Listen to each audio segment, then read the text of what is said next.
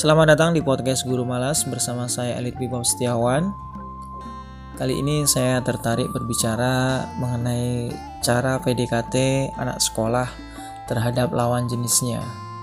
Di ini sebagian besar adalah uh, kisah saya zaman dulu ketika masa-masa sekolah ada yang bilang bahwa masa sekolah itu adalah masa-masa yang paling indah karena di situ kita benar-benar merasakan jatuh cinta, merasakan persahabatan, kemudian eh, jadi pemuja rahasia, kita suka sama orang tapi eh, tidak berani mengungkapkan. Atau eh, bisa juga kalau misalnya kita punya banyak uh, teman dekat atau pacar banyak bisa disebut playboy. Dan macam-macam lah banyak kisah banyak cerita yang kita lalui ketika kita menjadi anak sekolah. Nah cara seorang anak sekolah dalam menarik lawan jenis atau biasa dikatakan PDKT terhadap orang yang menarik hatinya itu bermacam-macam ada yang dengan rayuan ada yang dengan uh, memberikan hadiah ada yang dengan menuliskan puisi ada yang cari perhatian. Banyaklah tingkah pola anak-anak sekolah uh, yang sedang dilanda virus asmara. Nah uh, di era saya sekolah dulu kebetulan belum marak gawai. Jadi mau tidak mau kalau misalnya orang suka sama orang itu eh, biasanya eh, lewat eh, kutipan-kutipan atau biasa dia lakukan dengan menulis puisi. Jadi kemampuan berbahasa kemampuan berbicara itu sangat diuji sangat penting. Skill berbicara kepada uh, lawan jenis kepada perempuan khususnya karena saya laki-laki tidak mungkin saya suka sama laki-laki. Itu namanya jeruk minum jeruk.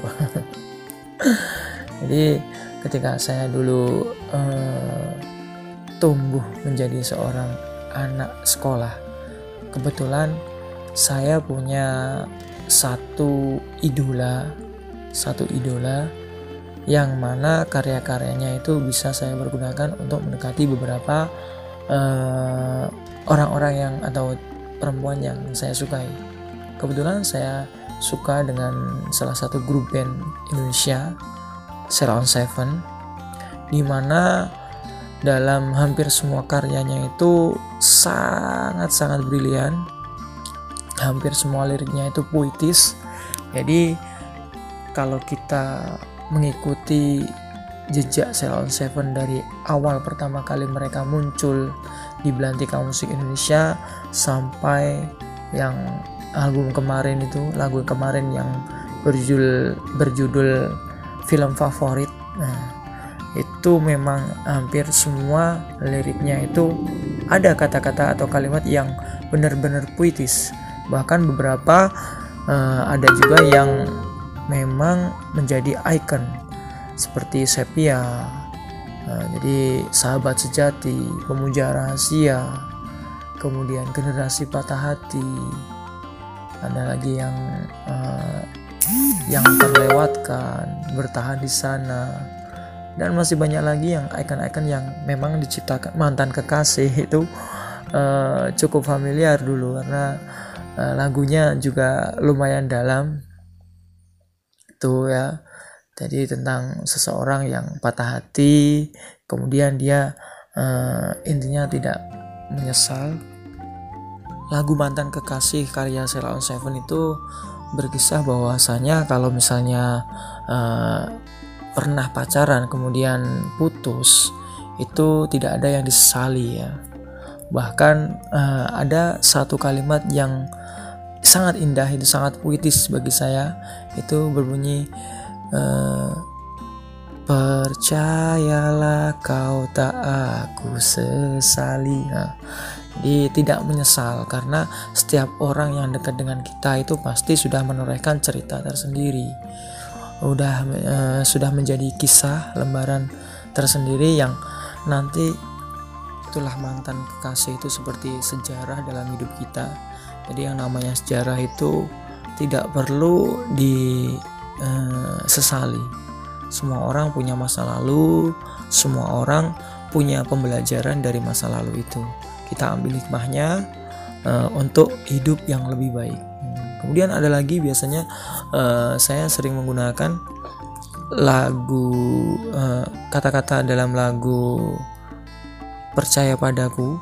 Nah itu ada uh, liriknya yang berbunyi percaya apa pun yang akan terjadi nanti kau tetap yang termuah di hati tak peduli berapakah berat badanmu nanti kau tetap yang termuah di hati nah jadi ini biasanya kalau misalnya saya naksir sama eh, cewek-cewek uh, yang memang punya berat badan yang uh, bisa dikatakan tidak langsing. Kita tahu bahwa hampir semua cewek-cewek di waktu sekolah itu sangat uh, mendambakan tubuh langsing. Namun ada beberapa yang memang tercipta dengan tubuh yang tidak langsing. Alhasil dia sering kali minder dengan dirinya sendiri.